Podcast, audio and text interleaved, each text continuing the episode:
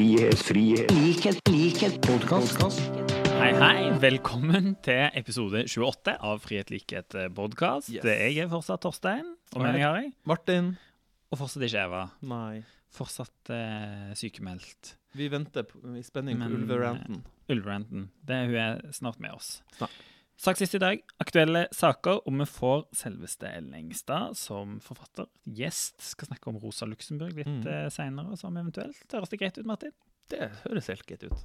Gå gjennom den der sakslista. Ja, aktuelle saker. Hva skjer? Hva har skjedd? Ja, hva har skjedd? Du har jo vært i Vietnam. Velkommen tilbake. på ferie. takk. Arrived this morning, straight from Vietnam. Ja. Ja, vært på ferie. Hva er klokka? Hva er egentlig klokka for deg nå? Den er Eh, ja, nå sitter vi her klokken snart tolv i Norge, så da er det snart eh, natt i Vietnam. Ja, Jeg syns du holder deg bra. Takk. Har du fått med deg hva som har skjedd i norsk politikk da, mens du har vært der borte? Ja, det var jo kanskje nesten umulig å ikke få med seg hva som skjedde, for det har jo kommet en ny regjering. Ja. KrF gikk inn. Og Hareide ut. veldig ut. Og i dag eh, så trakk han seg som parlamentarisk leder, selv om Mm. alle ville ha han, for han syntes det kom til å bli så vanskelig, forstår han veldig godt. Mm. Å bli parlamentarisk leder og måtte forsvare en regjering som du egentlig var skeptisk til. Ja. Klokt. Klokt. Det hadde blitt vanskelig. Han skal gå rundt i utenrikskomiteen i to og et halvt år og Kosa seg med det. kose seg. Ja. Vi får se om de gjør Kan anbefale å dra til Vietnam, faktisk. Det var veldig Det var veldig bra. fint, varmt og Ja. god mat og hyggelige folk. Og... Men det har kommet ny regjering. I dag var Erna Solberg i Stortinget og leste opp Ja. regjeringserklæringen. Det var jo Og hele den nye regjeringa. Ble Du blown away av eh, budskapet som statsministeren eh, leverte. Altså Det første jeg la merke til, var jo at de hadde måttet satt inn en god del ekstra stoler og benker eh, foran, for det har blitt så mange statsråder. Det er 22 statsråder, de fikk jo knapt plass. Det skikkelig storleken i Stortinget. Ja. det er blitt, altså Vanligvis har statsrådene sittet i en sånn indre sirkel. Mm. Nå har det blitt en utvida to sirkler der inne. og statsministeren, er helt kaos. Ja, det er helt kaos. Det er, det er veldig mange av dem, da. Det er det ene. Sinnssykt mange. det er veldig mange av dem. Nei, og så var det regjeringserklæringa. Og jeg fikk litt sånn samme følelsen av Erna Solberg snakka om regjeringserklæringa i Stortinget i dag, som da jeg så pressekonferansen med de fire partilederne. Da de la den fram på et flyplasshotell på Gardermoen. At det var liksom Det var ikke entusiasmen som slo meg, for å si det sånn. Du er nesten sånn slitne før de har begynt. Ja, Men jeg forstår det jo nesten. da, sant? Altså, Hun starta jo talen sin i dag med å minne om at det bare var ett år siden de nettopp hadde forhandla ferdig med Venstre. Ja. Så det har jo vært en sånn kontinuerlig prosess som denne gjengen har holdt på med. Ja, de har jo hatt, eh, de har hatt mye å slite med de siste ukene. Først eh, sånn KrF, og så har det vært liksom krangling internt eh, både i KrF og i Venstre. Og det har lekka ut eh, fra Ikke mye, men eh, litt fra regjeringsforhandlingene og- om at de har krangla seg imellom. De så ganske slitne ut på, på den pressekonferansen, så jeg tenker at det her er jo den kanskje den første regjeringa som opplever regjeringsslitasje før de har blitt regjering. Jeg tror Det blir veldig spennende å se nå om de i det hele tatt Kanskje de tar seg en ferie? Ikke? Eksempel den nye digitaliseringsministeren. Ja. Første han gjorde, var å reise til USA. Ikke på ferie, men på studietur. Ja. Han var der ikke i dag, hadde forfall. Det, det, er så mange av dem, jeg så ikke det. Ikke det. Men altså, jeg, jeg følte også statsministeren leste opp denne erklæringen og ambisjonene for regjeringen. Det er mye rare, store ord. Mye politikerord. tror jeg. ja, veldig mye. Nei, altså, jeg, ser jo at noen journalister og, og flere har godta seg litt med å se på hvor mange Mm. ganger forskjellige ord er nevnt. Eh, Nå siterer jeg en oversikt som Dagbladets Ole Magnusson Rydje har laga, der han f.eks. trekker fram at den har skrevet ordet 'vurdere' 119 ganger. 119. Arbeide for 57. Ja. Satse, det må bety sånn satse på, eller noe Mm. sånt. ja. 51 ganger. Utrede 38. Så ikke utrede Jeg vurderer 119 og utreder 38. Ja, ikke sant? Iverksette 9. Ja. Så det ble veldig mye vurdere og utrede, og veldig lite iverksette. Altså, jeg, trodde, jeg trodde vi var glad i å utrede. Men her er jo virkelig en ny norgesrekord. norgesrekord i utredning. Men det som tydeligvis er er et ord på vei ut, er robust. Bare tre ganger. Bare tre ganger. Det som har vært liksom eh, Ja, ja. forrige regjering, kanskje den ny regjering krever et nytt sånt ord. At nå er det ikke robust, nå er det Bærekraftig, kanskje. Eller vurdere, da. Jeg vurderer, ja. det er det de går for. Vi trenger, vi trenger vurderte kommuner, ikke robuste kommuner. Ja. Men vi lar oss ikke lure, da. Nei. Selv om de har masse sånne eh, politikerord, beskrivende greier. Dette er god gammeldags høyrepolitikk. Altså, Den er jo utydelig på mange områder. Altså, Det er jo bevisst utydelig når du skriver 119 ganger 'vurdere'.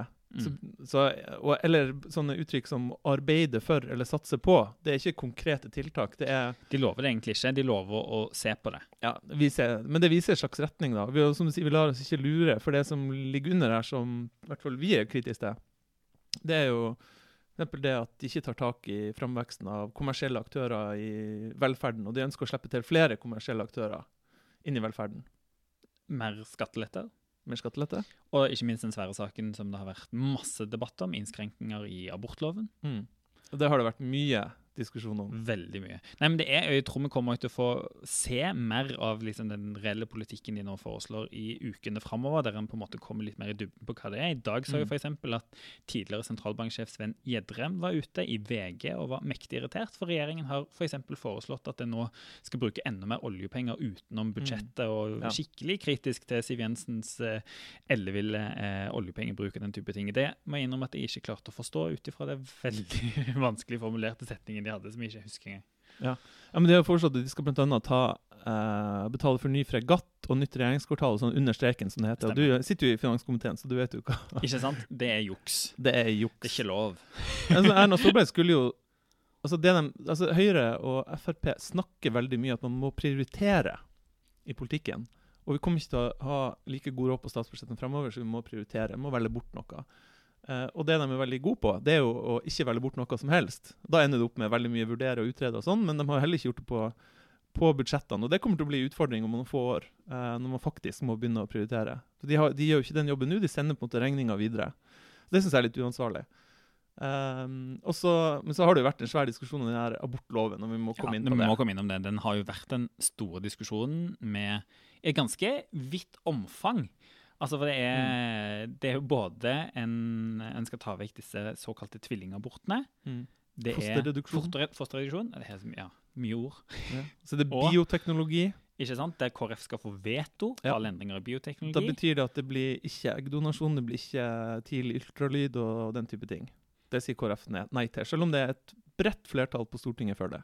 Og selv om Trine Skei Grande varsler omkamp, og Venstre varsler omkamp. Ja, hva er det med det? Altså, Unnskyld meg, men her står jo Trine Skei Grande og Venstre på pressekonferanse sammen med de andre partilederne, legger fram regjeringserklæringa og sier det her er en flott erklæring. Det så riktignok ut som hun var på gråten hele veien når hun snakka, men legg det fram, og så to-tre dager etterpå så går hun ut og sier at nei, nei, nei, vi er ikke for å endre abortloven. Vi er ikke for å sette ned foten for, uh, for endringer i bioteknologiloven. Vi har bare satt det på pause i to og et halvt år.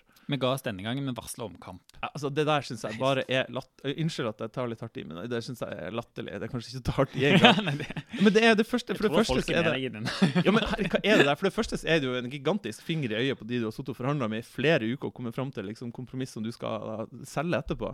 Og det andre er å kaste, det er å kaste blår i øynene på norske kvinner som nå blir nekta adgang til fosterreduksjon i to og et halvt år. Så sier hun at nei, neste valg så skal vi prioritere det. Nei, kommer ikke til å gjøre det. De forhandla det bort denne gangen. Da kommer de ikke til å prioritere det etter Mm. neste valg. Og de, kom, de kan ikke andre snakke seg vekk fra at dette er den første innskrenkningen av abortloven som har skjedd noen Ja. gang i Norge. Kan du forhandle det vekk en, gang, så kan du forhandle det vekk to. Det er tross alt Venstre. det er Tross alt Venstre. Men jeg må bare si, noe som irriterer meg når det gjelder abortloven altså Kjell Ingolf Ropstad reiste rundt i KrF og sa at det, det å gå til Høyre var en historisk mulighet for å få endring i abortloven. De fikk ikke endra 2C, det er bra, men de fikk endra det her med fosterreduksjon, altså ta bort en eller flere eh, eh, flerlinger under svangerskapet. Eh, og så har det nå i ettertid, da for det er jo veldig sterke reaksjoner. Si, det, det, folk er litt over middels opprørt at det faktisk blir innstramming i abortloven, og at det blir satt foten ned for å endre bioteknologiloven, eggdonasjon og sånn. Eh, og så var det jo kanskje 20 stykker ute på Slottsplassen den dagen regjeringa Kledd seg ut i Handmaid's Tale-kostymer. Og det var Gilead, og det var ikke Ja. Det var sterke bilder, faktisk. Det er sterke. Det er, satt dere i Vietnam, ja. 30 grader i sola, Og så på og så på snøen på Slottsplassen. Og Ja. Ja, det var 20 stykker, og Sigrid Bonde Tusvik som leda an. Men det som skjedde, har skjedd etterpå, da eh, Folk reagerer sterkt på at man endrer abortloven og sier nei til endring i bioteknologiloven. Det er jo at det er sånn unisont kor fra høyresida om at nei, nå må det bli slutt på å kalle han Kjell Ingolf Ropstad, eksempel, som har blitt målbæreren for endring av abortloven. Må bli slutt på å kalle han for en mørkemann. Da får jeg liksom Hva faen? Altså det, Trine Eilertsen og, og Kristin Clemet og masse høyrepolitikere som er ute og er forarga og indignert over debattformen, at man kaller han Kjell Ingolf Ropstad en mørkemann.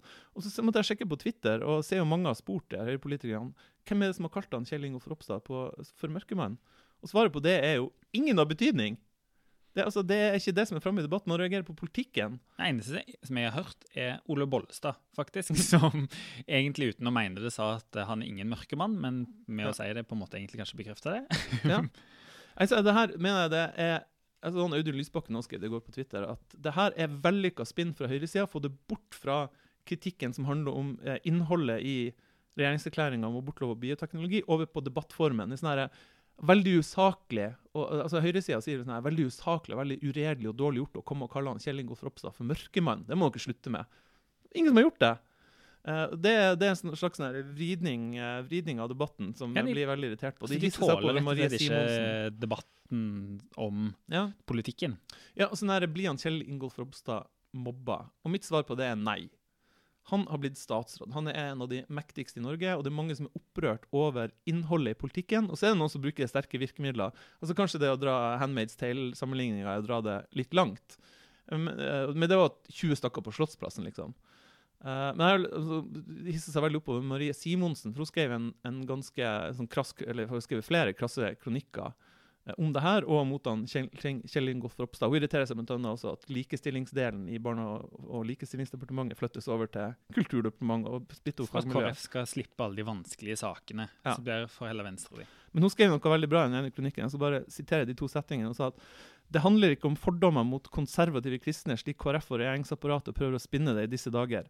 Dette er en flertallsregjering på kollisjonskurs med flertallet. Nordmenn er rett og slett mer progressive, mer liberale og mer likestilte enn den nye flertallsregjeringens politikk står for. Og det er innholdet i politikken folk og vi protesterer på. Det er ingen som har kalt han Kjell Ingolf Ropstad for mørkemann, og vi må ikke gå på det spinnet der og forsvare oss mot at nei, og spesielt sånn som du sier, Martin, det bakteppet som var, at dette var Kjell Ingolf Ropstad sin lovnad til hele KrF, denne historiske muligheten. Og han fikk ganske stort gjennomslag, og det er det flertall for i Norge. da, Den politikken den må kritiseres. Og hvert fall, altså Det er jo ganske sjokkerende da, hvis høyresiden og regjeringen mener at media i Norge, spesielt da når de kritiserer sånne som Marie Simonsen, bare skal sitte og nikke og smile og skrive gladsaker om de tingene de har fått til, og ikke se de kortene og Nei. ta de skikkelig. Men jeg blir overraska over at andre folk i media, mediekommentatorer, sånn som Trine Eilertsen altså Nå merker jeg, nå blir, nå blir vi veldig surpod her. veldig sånn irritert, indignert pod. Men jeg lar meg overraske over sånn som Trine Eilertsen og andre kommentatorer da liksom kjøper det spinnet og sier nei, nå må det bli slutt på å kalle han Kjell Ingolf Ropstad for mørkemann. Men Og dra altså, det når, det ikke, når det ikke er det som skjer. Nei, altså, men en gang når jeg liksom tenkte litt på dette under denne diskusjonen, er jo at vi på venstresida har jo en tendens tidvis òg til å kanskje trekke det litt langt. Og jeg syns det ble trukket litt langt når det ble liksom et spørsmål om, Shelley, om han var en god Mm. statsråd, om han gikk i pride eller ikke. Og det er, på en måte veldig bra å gå i pride. Jeg har gått i pride og jeg. Det er ikke på en måte det det handler om, men jeg syns det er litt sånn farlig å sette det som en sånn eh, eh, indikator for om en kikker til å være statsråd eller ikke.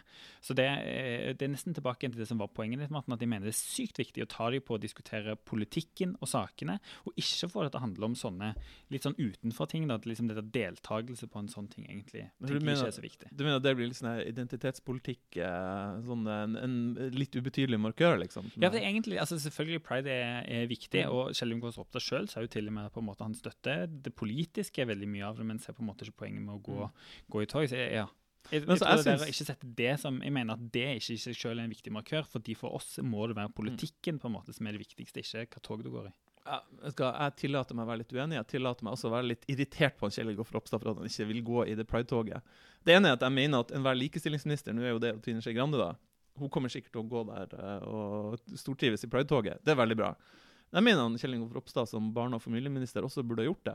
Og jeg er litt sånn her, jeg synes, Grunnen til at jeg blir irritert, jeg syns han argumenterer veldig dårlig, for han har ikke en ordentlig grunn til å ikke ville gå i pride-toget. Si, nei, det vil ikke han gjøre, og det er ikke noe, er ikke noe krav om å uh, om å gå i tog, og han skal være minister for alle barnefamilier. Det er fint, men han er også den første barneministeren, barne- og familieministeren siden 2005 som ikke gjør det. Så det har jo blitt en av de symbolene. Altså Alle statsråder har et eller annet innenfor sitt felt som det er tradisjon for å forvente at man gjør. Og når du da bryter med den tradisjonen, som er en veldig fin markering, at en statsråd går i det pride-toget, så må du ha en bedre begrunnelse enn Nei, det, det passer ikke for meg.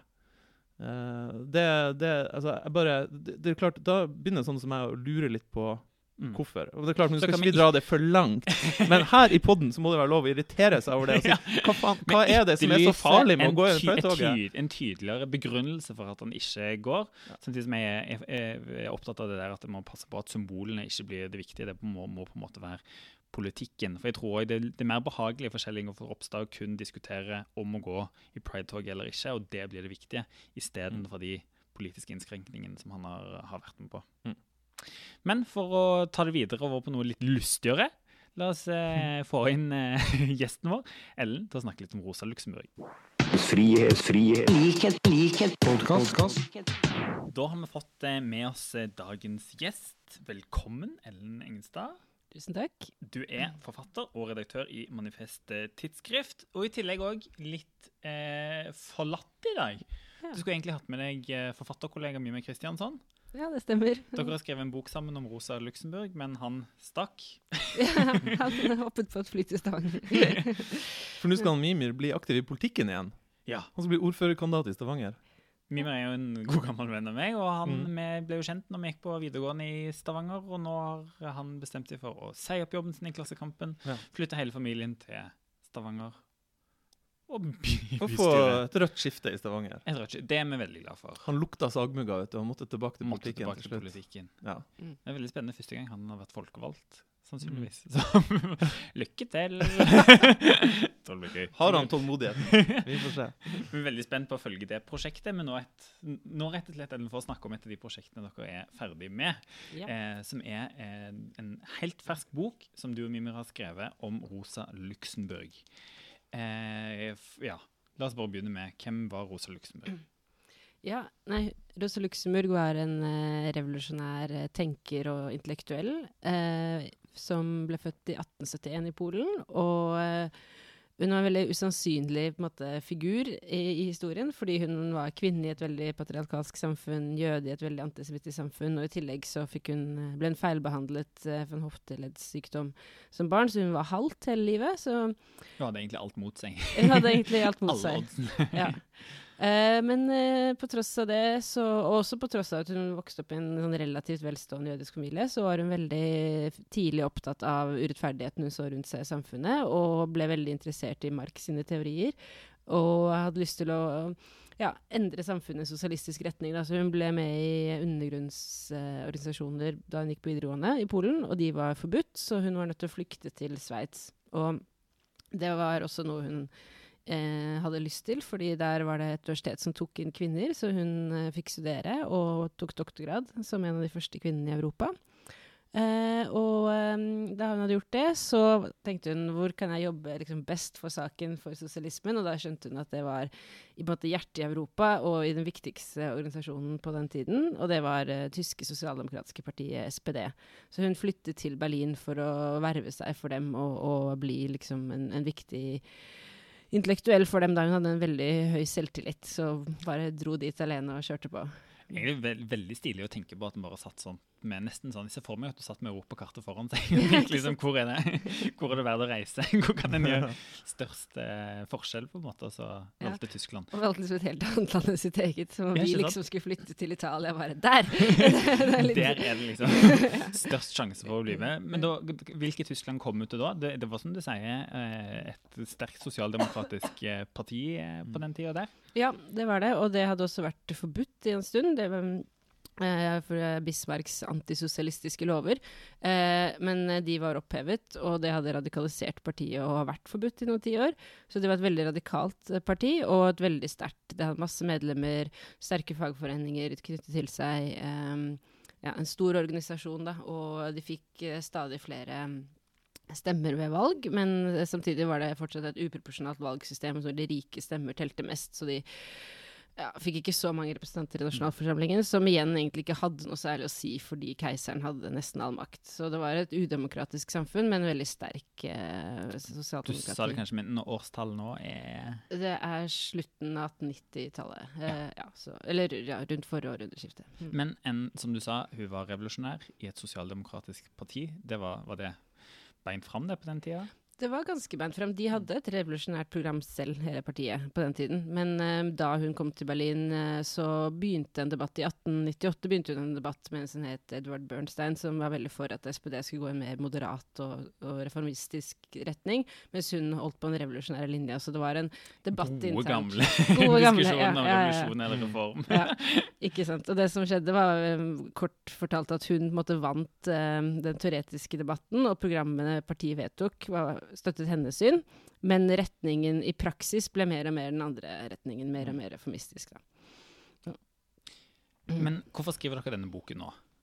Ja, Det er jo fordi um, vi lanserte boka 15.1, som er da på dagen 100 år siden hun ble myrdet, uh, etter et, uh, en mislykket revolusjon i Tyskland etter første verdenskrig. Uh, så vi måtte, ville jo treffe den dagen og minnes henne på den markeringen. Men det er også fordi vi føler at hennes tanker er viktige for venstresida fortsatt, og egentlig kanskje særlig i dag når det er mer sånn politisk turbulente tider enn det var på si, 90-tallet. Ja. Mm.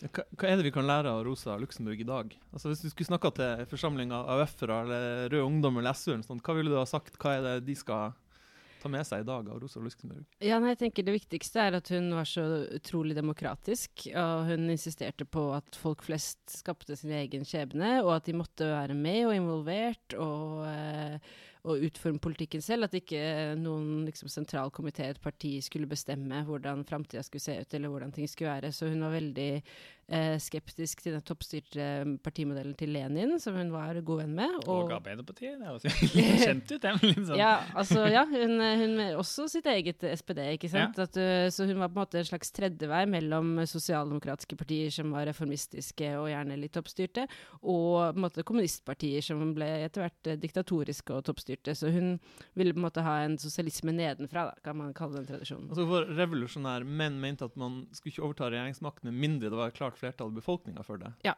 Som en slags demokratisk revolusjonær. Mm, ikke sant. Så under den tyske revolusjonen, eh, som hun eh, var en del av, så var det et slags uh, forsøk, dårlig forsøk på et kupp fra de revolusjonære venstresidekreftene i begynnelsen av januar 1919. Det var hun veldig imot. Hun mente at man isteden måtte ta seg tid, dra ut på landsbygda, snakke med bøndene, snakke med arbeidere, få liksom med seg alle, og måtte innse at det kom til å ta månedsvis, da. Mens andre rundt henne var mye mer utålmodige og følte at nå har vi sjansen, nå kjører vi. Så hun rådet liksom sine partikamerater til å ikke egentlig de hatet jo regjeringen. Hun sa ikke overse regjeringen, glem den. Nå går vi og snakker med vanlige folk isteden. Ja.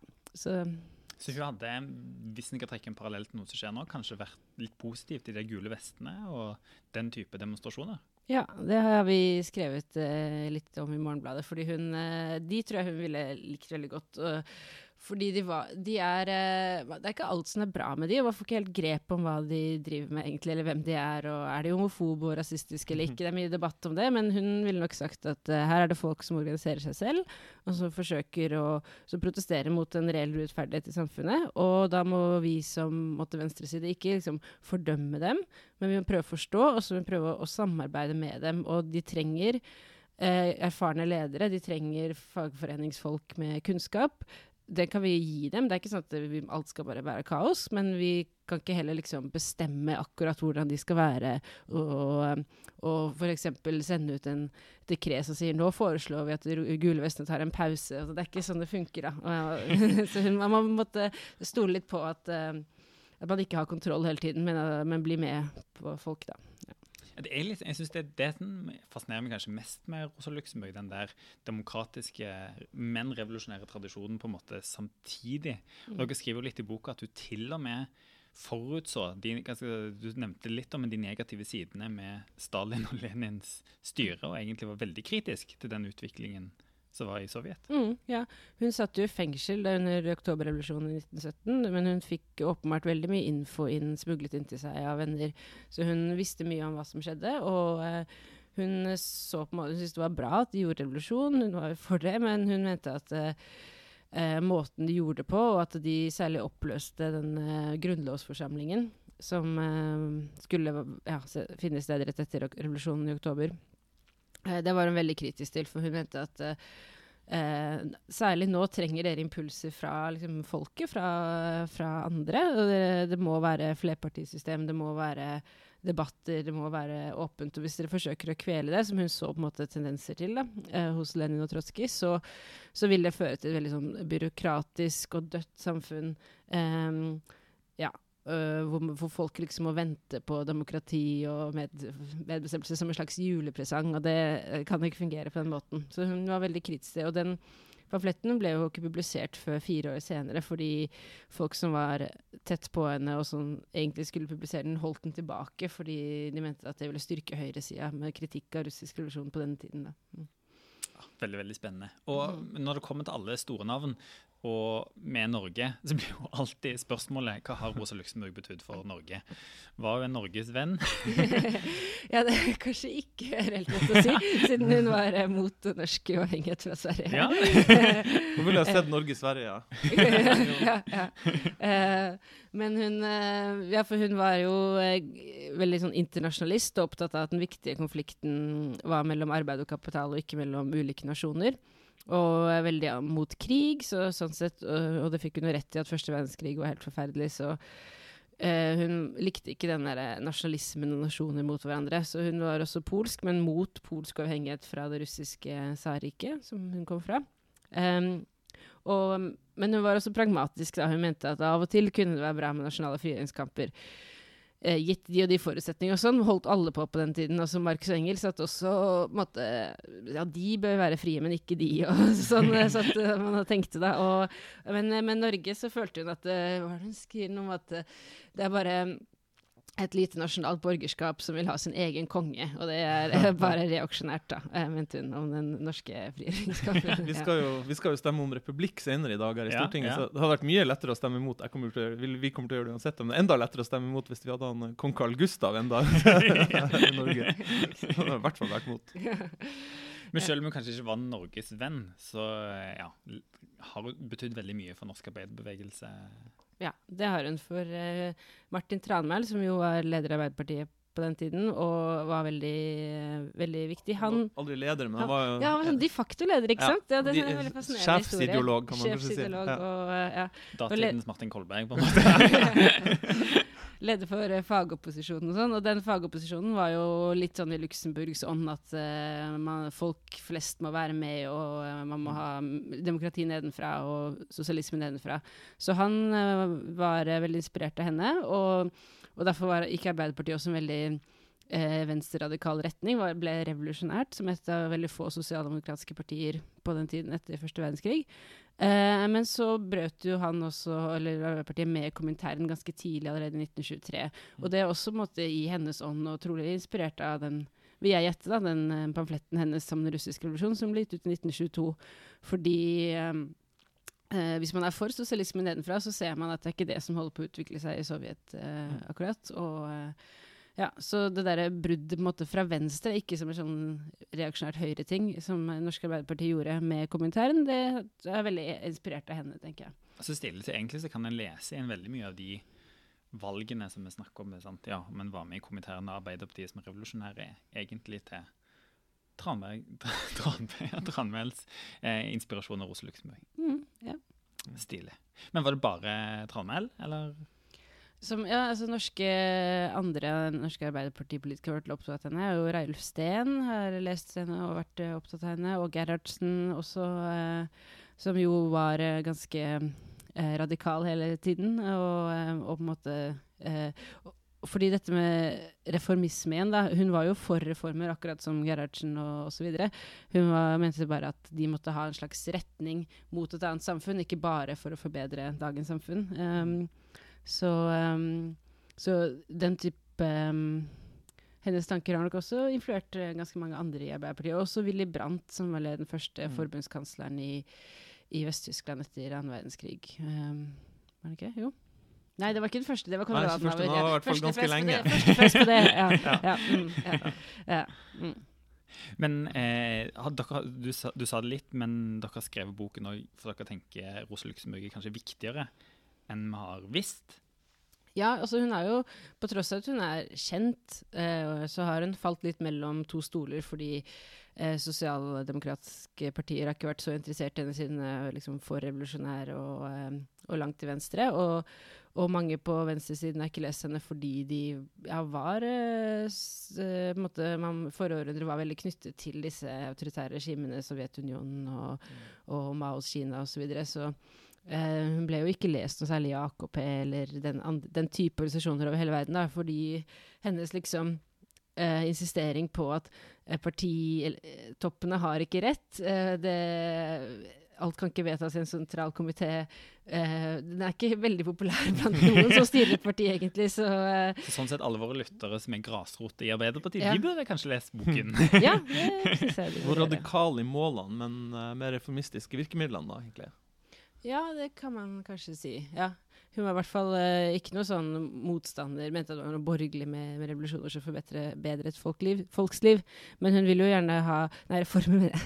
Men hun vil gjerne ha reformer igjen da hvor, uh, hvor folk flest er involvert i dem, da, og får si Kanskje man, altså man ikke bare bestemt at nå skal vi ha eh, arbeidsmiljølov, men mer sånn spørre alle fagforeningene hvordan vil en arbeidsmiljølov se ut som er bra for dere? Og så mm. rett og slett lytte til folk og hente inn deres erfaringer og, og sånn. Det slår, meg, det slår meg at Rosa Luxemburg hadde antageligvis hevet seg inn i full styrke i den elitedebatten som foregår i Norge. Garantert. Ja. Ny dobbeltside i Klassekamp. Men du, Dette var veldig gøy, Ellen. Jeg følte liksom rett at podden vår ble litt sånn ekko. Dette kunne gått på P2. det er veldig, veldig nerdete og fint. og eh, Dette er en bok jeg tror vi kan, eh, kan anbefale. Jeg synes det var veldig spennende å lese mer om, om de demokratiske ideene og alt som Rose Luxemburg har eh, skrevet om. Så tusen takk for at du gadd å stikke innom, Ellen. Ja, tusen takk for å være her. Ja. Og nå på slutten, Martin, er det noe på eventuelt i dag som vi ikke har vært innom. Litt lik og del på Facebook ja, lik, og eh, sosiale plattformer. da ses vi kanskje neste uke. Kanskje ja. Hvem vet? Hei da.